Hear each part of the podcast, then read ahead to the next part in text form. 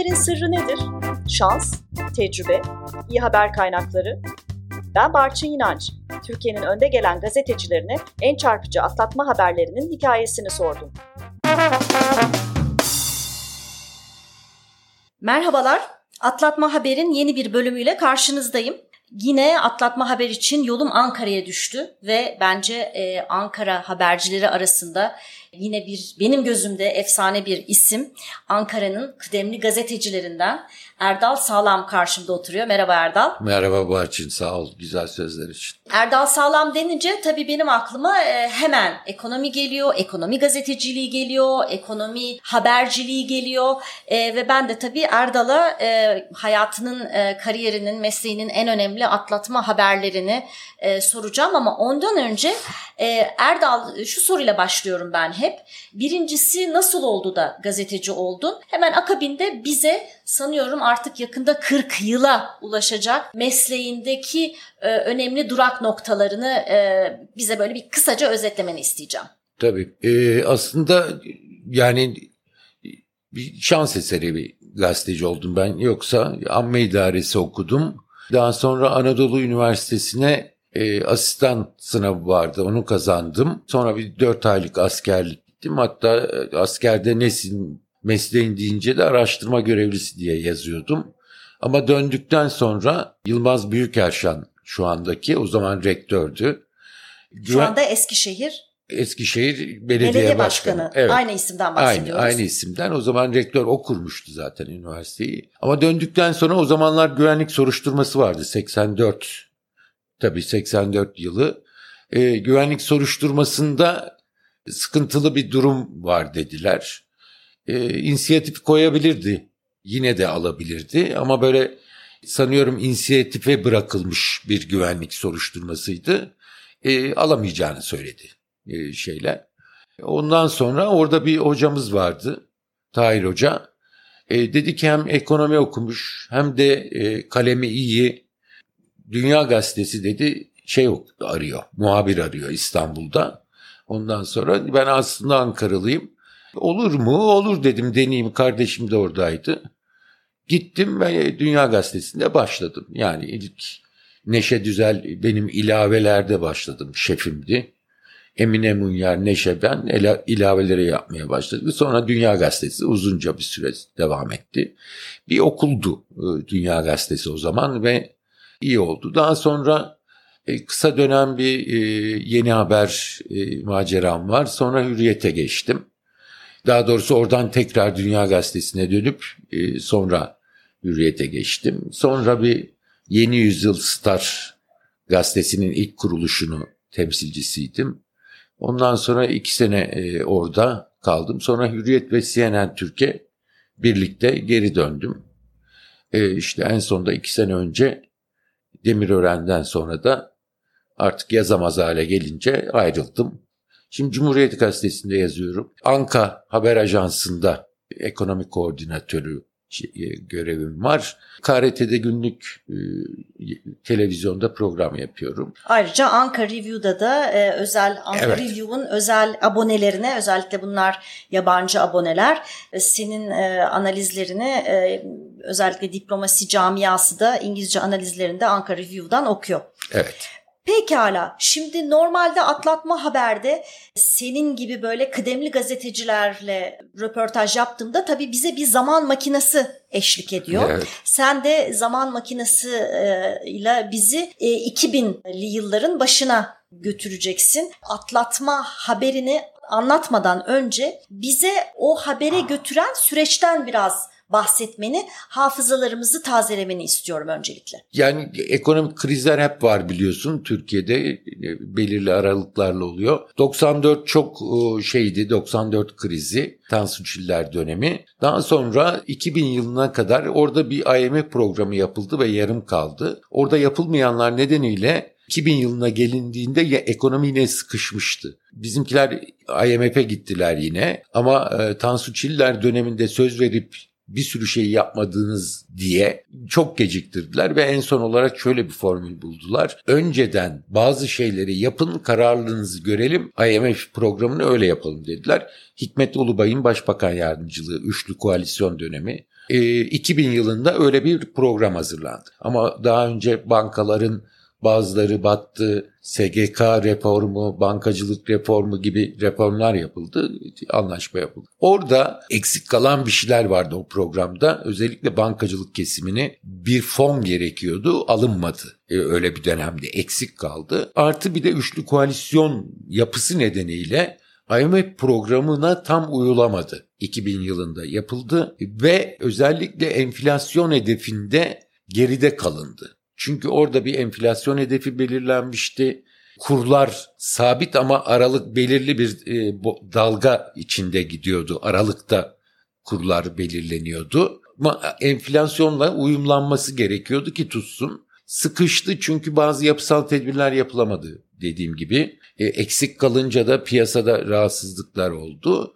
En son 2001'in başına gelindiğinde e, artık sıkıntılar iyice artmıştı. Ve 2001 19 Şubat'ta meşhur Milli Güvenlik Kurulu toplantısı var. Sayın Ecevit'in, Başbakan Ecevit'in Cumhurbaşkanı Ahmet Necdet Sezer'e anayasa kitapçığını fırlattığı şey. E, işte Ahmet Necdet Sezer e, bankacılık düzenleme kurulu üzerinde bir denetim yapmak istiyor. Devlet denetleme kurulu şeyiyle. E, bu da karşı çıkıyor Ecevit. İşte Ahmet Necdet Sezer anayasa kitapçığı fırlatıyor. E, meşhur ekonomik krizin başlangıcı olarak geçti bu. Ama halbuki daha öncesinden zaten sıkışma başlamıştı. Yani o MGK'da o kavga olmasaydı da ekonomik krize girecekti. Ama o bir şey oldu. Tabii ee, o döneme doğru biz de gazeteciler olarak yani hani ekonomiyi izlemesek de sıkıntıların farkındaydık. Tabii. Ama hani sade vatandaş ekonomiyi gün be gün izlemeyen e, diğerleri için tabii e, bu anayasayı e, fırlatma bizim hafızalarımıza tabii, tabii. net bir şekilde kazındı. Bu bir devlet krizidir dedi Sayın Başbakan Ecevit. E, yani o toplantıdan çıkıp da bu açıklamayı yapmasa da bu kadar patırtı olmazdı ama bu açıklamayı yaptı. Bu bir devlet krizidir diye. E, o zaman piyasa çok karıştı. E, işte e, 19'u akşamı oldu. 20'si ve 21'i günleri e, ne diyeyim gecelik faizler 7500'e kadar çıktı. Çünkü kurda sabit olduğu için daha doğrusu aralık belli olduğu için kur oynamıyor. Ama bunun karşılığında faiz oynuyor. Borsada yüzde 18.1'lik bir düşüş oldu. Büyük bir düşüş. E, tam bir kabustu. E, ondan sonra 21 Şubat akşamüstü toplandılar. E, Bakanlar Kurulu toplandı. E, işte şeyde e, o daha Bakanlar Kurulu bitmeden akşam 10-11 gibi de ben yeni bir kur sistemine geçildiğini CNN Türk ekranlarından açıkladım, duyurdum. Bu bayağı bir tabii tümüyle ekonominin çehresini değiştiren bir şeydi. Ee, ama onun öncesinden iki gün öncesinden e, ben bunu biliyordum. Bir saniye yani sen e, Türkiye'de ekonomiyle ilgili o dönem için ve her zaman için aslında çok radikal bir kararı iki gün öncesinden almıştın. İki, iki gün öncesinden öğrenmiştim. Aslında ta baştan beri e, bu sistemin e, bu e, sabit kur sisteminin olmayacağını biliyorduk. E, ileride geçeriz diye hep ötelemişlerdi açıkçası. E, çünkü politikacılar bu kurun değişmesine razı olmamışlardı onu ileriye dönük yaymışlardı o kararı. Anladım. Ama, yani bugünün popüler deyişiyle geliyordu gelmekte olan aynen, sen de kendini aynen. ona göre pozisyonlandırdın. Geliyor gelmekte olan deyip radarlarını ona göre açtın öyle anlıyorum. Aynen yani. öyle açtık ee, ama e, tetikleyici e, 19'u ya da 18'inde e, IMF Başkan Yardımcısı Fisher'ın Türkiye'ye gelişiydi. Çünkü Fisher gelmezdi normalde hep Cotarelli, hep herkes bilirdi biliyorsun heyet başkanı. Onunla görüşmeler olurdu IMF'le. Fisher'ın geldiğini öğrendim. Ee, çok fazla basına sızmadı bu. Gizli tutuyorlardı çünkü. Ee, ve burada dalgalı kura geçiş artık şart olduğunu Fisher'ın söylediğini biliyoruz. Artık Fisher uluslararası bir iktisatçı ve bu dalgalı kuru zaten baştan beri savunan biri. E, o zaman da IMF Başkan Yardımcısı. E, işte bu dalgalanma çok olunca Bakanlar Kurulu toplantısı ve bu artık çekilemez bir haldeydi. Yani piyasa öyle sürdürülemezdi. e, iki gün önceden haberini almıştım. E, teyit etmeye çalıştım uzun süre. Teyit de ettim. Bürokrasiden de teyit ettim. Ama e, çok kritik bir karar. Çünkü bunu açıkladığınız zaman piyasayı tutamazsınız. Yani piyasa tümüyle bozulur ve böyle bir riski e, garanti olmadıktan sonra alamazsınız yani. Onun için e, hatta o e, Bakanlar Kurulu'nun olduğu gün 21'inde e, Taha Akyol CNN Türk'teydi o zaman ve hükümetle iyi ilişkileri vardı e, yönetimle. E, ondan sonra hatta ona da e, ek bir e, ricada bulunduk. Bunu çek ettirdik Ki yine. sen bir duyum almışsın, bunu bürokrasiye teyit ettirmişsin, yetmiyor.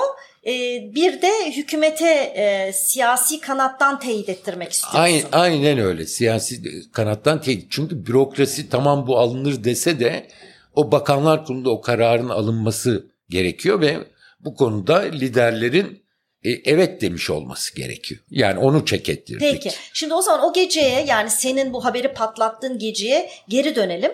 Ama e, tekrar hatırlatmak için şimdi öncesinden bir zaten sen ekonomiye bakıyorsun dosya hakimiyeti ve analizinle diyorsun ki bu karar bu karar gel- gelecek, gelmeli, gel alınmalı. Onun üzerine bir de Fisher'ın e, Türkiye'ye gelmiş olması var. O da sende bir e, ayrıca bir e, hani Zamanlama açısından evet. Evet, bu karara doğru kritik. bir olgunlaşma var diyorsun. Ondan sonra da Bakanlar Kurulu geliyor ve diyorsun ki eğer bir şey açıklanırsa bu Bakanlar Kurulu'nda açıklanacaktır diyorsun.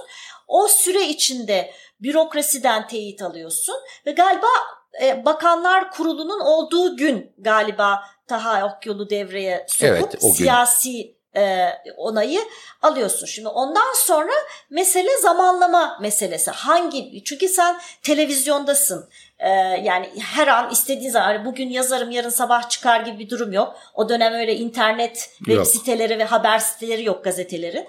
Dolayısıyla televizyon haberciliğinde hani bugün şimdi de yapabilirsin. Yarım saat sonra da ana haberde de o zamanlamayı e, nasıl e, Yani Hürri- ayarladın? Hürriyet gazetesinde de yazıyordum aynı zamanda CNN Türk'teyken ama o gün ya şeyim yoktu, ya köşe yazım yoktu ya da e, nasıl olsa bunu bugün akşama verip e, ertesi güne gazeteye de yazarım ama gazetede çıkma imkanı önceden çıkma imkanı olmadığı için CNN Türk ekranlarından. E, ben akşamüstü gittim e, Bakanlar Kurulu'na E, her zaman değil E, yani çok seyrek giderim Bakanlar Kurulu'na o dönemlerde. Gittim hatta e, Başbakanlık muhabiri arkadaşlar da bayağı şaşırdı. Abi nereden çıktı filan diye. E, Dedim ge- geldim ekonomi karışık ya bakmaya geldim. Ondan sonra ve ama sürekli tetikteyim. Kameramana da dedim ki anında girecek biçimde hazır tut. Her bir şey tripodunu bilmem neyini her an girebiliriz. Çünkü alınacak o karar. Ee, ondan sonra e, beklerken o zaman bir televizyonun genel yayın müdürü e, yanında Ankara temsilcisiyle geldi. E, onu, onun da çok iyi biliyorum. Hükümet e, de e, üst düzeyde çok yakın temasları var. Yani oradan iyi haber aldığında biliyorum. E, o, o geldi. E, sonra onu gözlemeye başladım. Yani ne oluyor diye. Dediler ki Bakanlar Kurulu'na ara verildi gece işte 10 10 buçuk 11 tam hatırlamıyorum şeyini. E, baktım bu merdivenlerden o Başbakanlık basında oradan yukarıya çıkış vardır şeylere. E, et bir merdiven. Eskiden böyle devlet Evet. dairelerine rahat rahat girdiğimiz çıktığımız Aynen öyle. e, dönemlerden Ay bahsediyorsun. basın odası da vardı zaten. Basın odasının yanında da şey var. Ee, çıktılar bunlar. Ee, ben huylandım. Yani tamam garantiye almışım, karar alınacak Ee, ama zamanlamayı çok iyi yapmam lazım. Ee, yine de e, bir hata yapmamam lazım. Ama oradan çok huylandım. Ondan sonra baktım e, bir süre sonra Bakanlar Kurulu to- yeniden toplanırken arkadaş e, bu arkadaşımız böyle merdivenlerden e, böyle bir yüzünde bir, tebessümle geliyor. E, şeye dedim ki kameramana kur aradım e, televizyonda gidiyoruz yayına dedim. Evet, demek ki atlatma habercilikte bir püf noktası da insanların yüz ifadelerini okuma becerisi. e, e, deneyim kazanıyorsun tabii. Yani orada kimin haber aldığı zaman yüzünün hali ne olur? Evet, Yürüyüş, doğrusu, yürüyüşü nasıl değişir biliyorsun öyle yani. habercilerin arasında öyle bir durum vardır Evet. değil mi? Yani bir, bir haberi aldın mı tamam ya ben bunu Tabii. patlatacağım diye e, bazıları vardır demek ki bunu ser verir sır vermez. Bazı demek ki o gün e, bunu yapmamış rakibin. E, yani- İpucunu yüzüyle vermiş yani o heyecanıyla demek ki. Ee, işte öyle olunca girdim ve dalgalı kur, daha önce çalıştım tabii dalgalı kur nedir, ne olacak, bundan sonra nasıl kurlar belirlenecek filan gibi e, derse de çalıştım e, şey olarak da e, e, ve verdim bunu tabii. Ortalık birbirine girdi. Benden bir süre sonra sanıyorum on, o, o televizyonda da bir 15-20 dakika sonra öyle bir şey e, girdi diye biliyorum. Ama tam olarak tabii ben hazırlığımı yaptığım için dalgalı kur nedir ne değildir hepsini özetleyebiliyorum. E, Onu daha rahat anlattığım için onların konuları da tam ekonomi olmadığı için sadece işte böyle bir kur sistemi değişiyor filan gibi benden sanıyorum 15-20 dakika sonra da onlar verdi. Ee, ve ortalık birbirine girdi tabii. Sonra sanıyorum gazeteye de gece döndüm yazdım. Ee, ama e, bir süre sonra öğrendim ki meğersem ben verdiğim zaman henüz o karar e, Bakanlar Kurulu'nda kesinleşmemiş. Ve özellikle Devlet Bahçeli e, bayağı bir e, tartışma yaratmış Bakanlar Kurulu'nda. E, biz bu kararı daha almadık nasıl bu karar alındı diye birileri açıklama yapıyor diye. E, o, o, o dönem tabii işleyişi de bilmek önemli. Üçlü koalisyon hükümeti kim etkili, bürokrasi bu üçlü koalisyona nasıl karar aldırıyor, hangi argümanları kullanıyor, nereye kadar bu liderler dayanır karar alma konusunda onları da bir sürü şeyimiz var. Ee, o, o yöne dönük bilgimiz de olduğu için öyle bir şey de çıkardık. Ee, ama gece yarısı 13 saat sürdü o bak, şey e, Bakanlar Kurulu toplantısı. Herhalde tarihin en uzun Bakanlar Kurulu toplantılarından biridir. Ee, zaten sabah açıklama yapıldığında dalgalı kur sistemine geçildiğini, karar alındığını Bakanlar Kurulu açıklamıştı. Aslında enteresan bir anekdot bu. Çünkü biz basın mensupları, basın yani genelde tarihe şahitlik yaparız ve özellikle de tarihin şekillenmesinde de rol oynamamak gibi bir kaygımız olur e, normalde. Çünkü o bir e, görev alanımızın dışına çıkmak e, sayılır. Haddini aşmaktır Ee, yani. Sen ama galiba burada istemeden bir e, yani e, e, bir rol oynamışsın. Ama her halükarda o karar herhalde alınca herhalde bir, nok- bir noktada ben söylemeseydim bu karar hiç alınmazdı diyebileceğim bir durumda yok tabii yani. Ya- yok çünkü o karar alınacaktı şarttı. Yani ekonominin başka türlü gitmesi mümkün değildi. Sen e, o günkü e, yayından da yola çıkarak ve bugüne geldiğimizde bugün de de müthiş e, işte kurda e, dalgalanmalar var. E, bize yani bizim gibi bazı okuyucularımız belki tam e, kavrayamayabilir e, bunun önemini. E, o gün nasıl anlatmıştın ya da bugüne gönderme yaparak o kararın önemini anlatmak için ne söylerdin? E, kurlar serbest bırakılacak artık. Yani o zamana kadar alışık olmadığımız bir şey. O zamana kadar kurları e, sabit tutuyoruz, faizlerle oynuyoruz. İşte e, aldığınız e, kararların sonuçlarını faizlerde daha çok görüyoruz, piyasa faizlerinde. Daha öncesinde zaten o da faiz de belirlenirdi devlet tarafından. E, da- daha sonra e, faiz daha serbest piyasada belirlenmişti. E, kurun şeyi bu e, dalgalı kurun püf noktası e, bürokrasisinin bunu istemesinin de sebebi şudur. Siz bir ekonomik program uygularken siyasi tercihler nedeniyle yanlış yaparsanız bu anında kurda kendini gösterir. Kurda kendini gösterince de siz o yanlışınızı düzeltmek zorunda kalırsınız. Yani rasyonel bir ekonomi politikası uygulaması için bir göstergedir kur, dalgalı kur sistemi. Çünkü anında oradan belirti verir. Yani siyasi e, siyasi iradenin ekonomik performansının bir barometresi o zaman. Aynen öyle eyvah ve ki, yanlış yanlış yapmasının da önünde. E, Şu anda artan kurların tek sebebi yanlış siyasi tercihlerdir. Şimdi onu eyvah ki eyvah dememin nedeni de o. O zaman Tabii. bugün şimdi biz kurlara baktığımızda bir barometre e, görüyorsak e, müthiş oynak bir barometre. E, demek ki e, hani alarm zillerini çalmamız gerektiren bir durumla karşı karşıyayız demek ki. Yanlış siyasi tercihlerin çok açık gözüktüğü bir şeydir bugünkü yaşadığımız şey.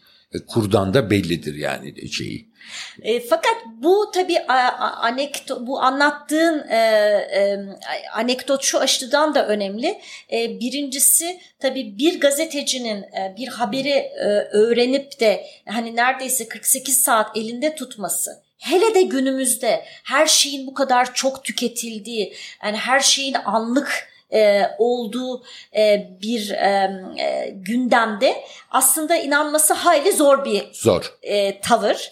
E, fakat zannediyorum e, başka e, haber türlerine kıyasladığımızda ekonomi haberciliğinin de böyle çok e, özel olarak ayrı bir hassasiyet gerektirdiğini anlıyorum senin anlattıklarından. Çünkü milyonlarca insanın bir ülkenin ekonomik e, kaderi ve yani anında e, insanların etkilenebileceği bir haber türü seninkisi. Değil Şöyle. mi? Anında bir insan e, acayip zengin, anında e, acayip yoksullaşabilir. Senin verdiğin bir bilgi üzerine alacağı bir kararla. Aynen öyle.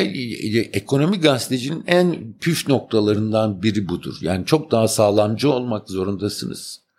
Çünkü verdiğiniz bir haberle birileri sizden öğrenirse ya da başka birinden öğrenir de e, piyasada hareket yaparsan çok yüksek karlar elde edebilir. Bu aynı zamanda ne demektir? Birilerinin de aynı miktarda zarar etmesi demektir. Onun için hassas bir şeydir. Yani bunun örnekleri de çoktur.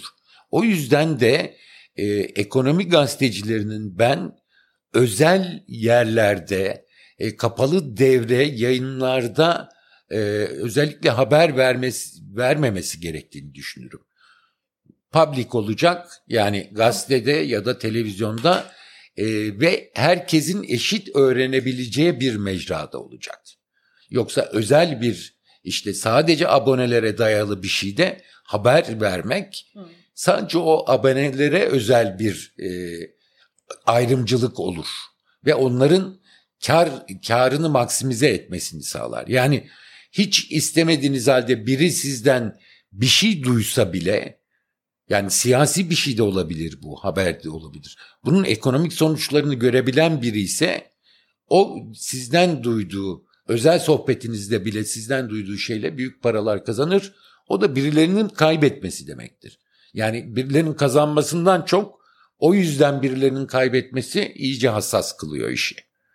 Evet e, hatta geçmişteki sohbetlerimizde senin bu türden anekdotların olduğunu hatırlıyorum. E, bazen e, bazıları sana e, hatta kızmışlığı var diye biliyorum. Yani bazı şeyleri önceden biliyor olmana rağmen söylemediğin için e, bu türden anekdotları da hatırlıyorum. Evet özel olarak birilerine söylemediğimiz için bazı sıkıntılar olmuştur ama söylenmez. Yani bu kim olursa olsun e, babana da söyleyemezsin.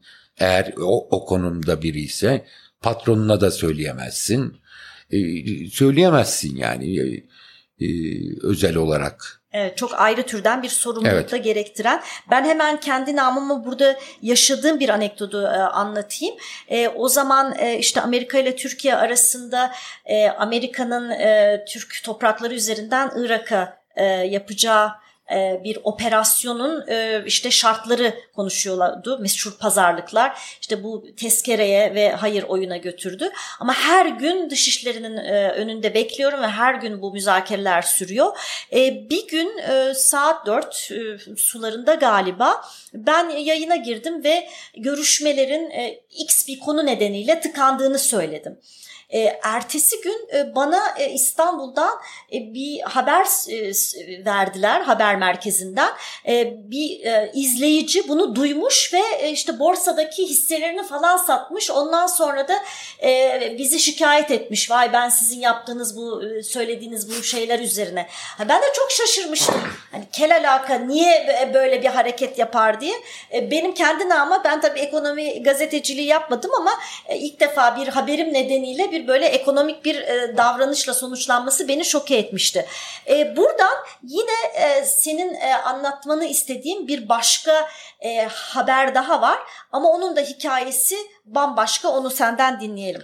Evet yani bir yanlış haberim sözde bir yanlış haberim var. O da benim mesleğimde önemli şeylerden e, hatıralardan biridir.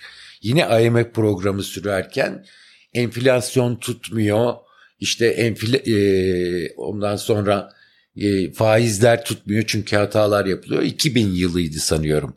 Bu şeyden önce 2000 yılındaki programdaydı.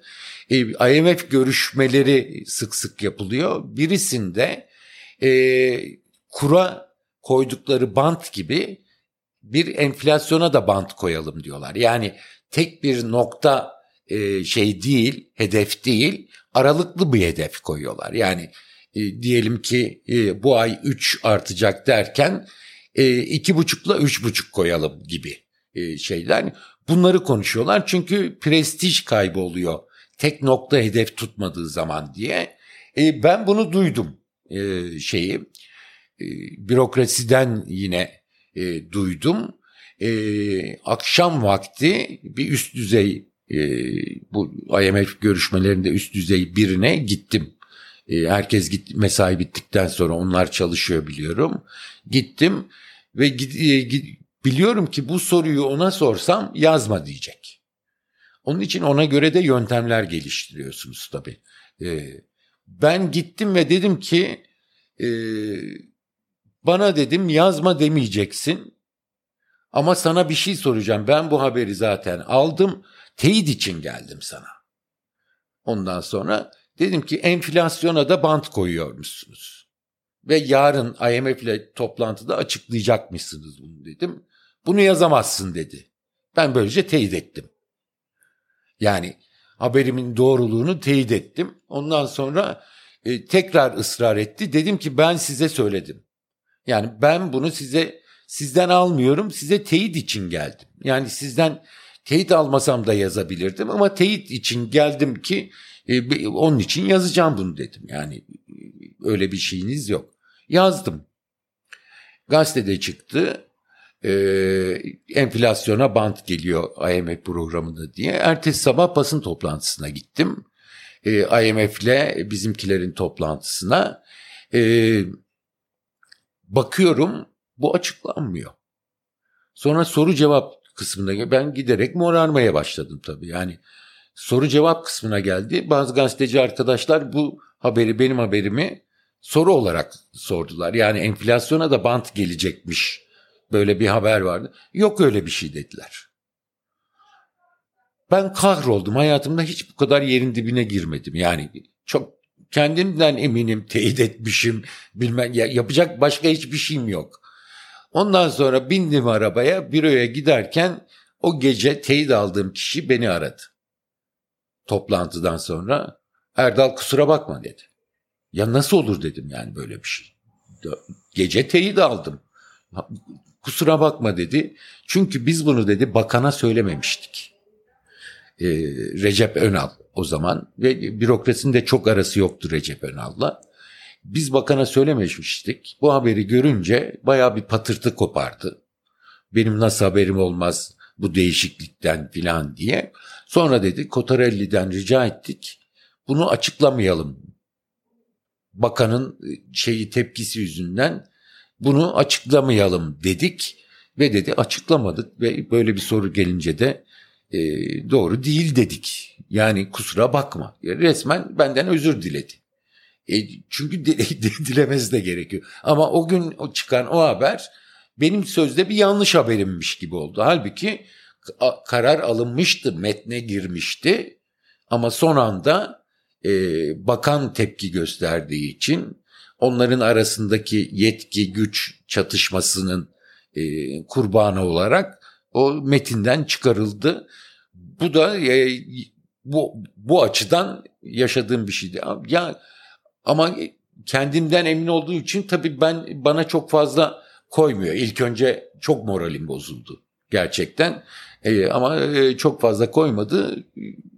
Yani çok fazla da tepkide e, görmedim böyle bir yanlış haber falan diye tepkide görmedim. Evet açıkçası. ihtimalen herhalde e, bazıları şey diye düşünmüştür. Yani işte Erdal abi yazsı, yazdıysa doğrudur o belki de işte e, biraz ertelenmiştir vesaire. Ben, diye. ben çok inanmazdım yani yazdığı halde nasıl değiştirirler IMF metninde inanmazdım ama böyle bir maceram da oldu yani. Anladım. Peki o zaman çok kısaca bize biraz e, ekonomi haberciliğinin e, e, şimdiye kadar söylediklerinin dışında dikkat edilmesi gereken püf noktalarını biraz söyler misin? Özellikle e, genç kuşak gazetecilerin e, biraz daha öğrenmesi açısından, feyz alması açısından.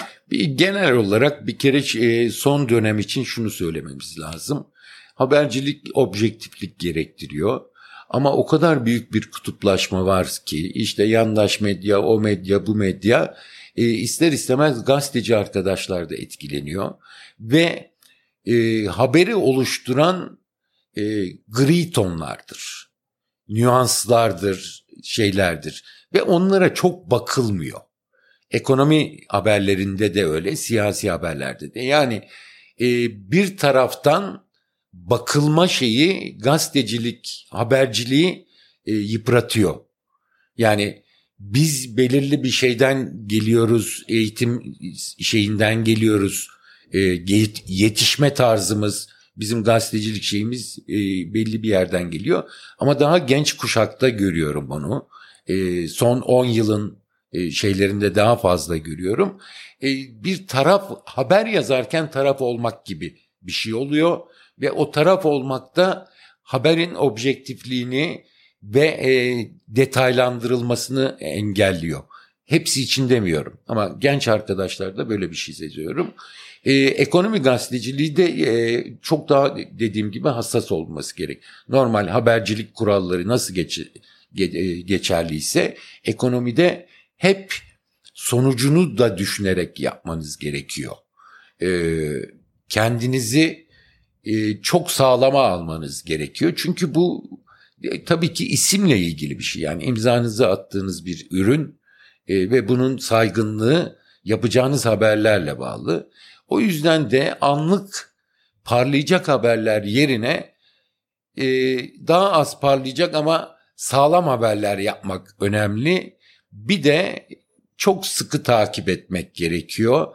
E, şeyin e, devletin e, şeylerini sürekli verdiği bilgileri bile artık çek etmek gereken bir dönemdeyiz. Ekonomi içinde böyle. Yani e, görüyoruz biz e, toz kondurmayız e, TÜİK verilerine evvelden beri. Çünkü o rakamlar herkesin karar alırken baktığı rakamlardır. Orada yanlış yapılmaz diye. Biz yıllarca bunu savunduk gerçekten de. E, ama e, şüphe duymamak imkansız olduğunda şüpheyi de duymak gerekiyor.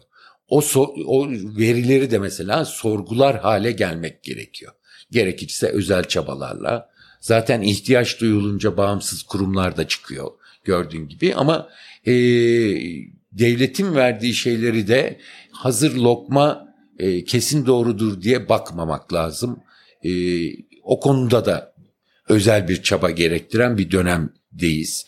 E, Evet. Mevcut e, e, resme baktığında ekonomi bu aralar çok gündemde olduğu için e, biraz daha sormak istiyorum sana ama geçmişle bugünü kıyasladığında en azından bugün gör, e, gördüğün tabloda hani seni e, dikkatini çeken nedir? Bu bu gazetecilik anlamında değil ama hani haberleri izleyen sade vatandaşlar açısından vesaire mevcut e, ekonomik e, gidişatın haberleştirilmesiyle ilgili e, seni e, gözlemine alabilir miyim? E, bugünlerde yaşananlarla ilgili olarak. Sadece son 2-3 hafta için demiyorum tabii Yok. ki. Şimdi hangi e, e, siyasi görüşü bir gazetenin olabilir. Yani bir bakışı, bir açısı özellikle olabilir. Ama daha önce hangi siyasi görüşte olursa olsun ekonomik doğrular konusunda hepsinde belirli bir e, şey standart vardı ve oradan bakılırdı. Ama son dönemin en kötü şeylerinden biri siyaset açısından da öyle ama ekonomik açısından şu yaşadığımız günlerde yani yandaş basındaki ekonomi haberleri gerçekten halka saygısızlık biçiminde. Yani göz göre göre yapılanlar efendim halkı ara ara suçlayarak yönetimden topa atmak için ekonomik davranışları üzerinden halkı suçlamak, e, efendim yönetimin su, şeyini yanlış kararlarını başkasının üzerine yıkmak. Yani bu kadar bariz biçimde e, yanlı bir haber yapılamazdı. Ekonomide özellikle son dönem baktığımda özellikle dikkatimi çeken şey yani bir ekonomi gazetecisi bunları yapamaz dediğim şeyler daha önce şimdi yapılıyor. Yani siyasette de aynı ama ekonomi daha teknik bir şey olduğu için söylüyorum. Yani doğruları var ama o doğruları bile çarpıtarak okuyucuya sunabiliyorlar. Ee, o, o çok çok uç bir noktadayız yani o açıdan. Evet bu dönemin bizim açımızdan en büyük şanssızlığı bu olsa gerek diyelim. Umarım gelecekte genç gazeteciler bu tür e, durumları e, farkına varıp ona göre e, haberciliklerini yaparlar diyelim. Erdal Sağlam vakit ayırdığın için çok teşekkürler. Ben teşekkür ediyorum. Çok güzeldi sohbet. Atlatma Haber Podcast serisi Avrupa Birliği'nin maddi desteğiyle oluşturulmuştur ve sürdürülmektedir. İçerik tamamıyla Atlatma Haber kanalının sorumluluğundadır ve Avrupa Birliği'nin görüşlerini yansıtmak zorunda değildir.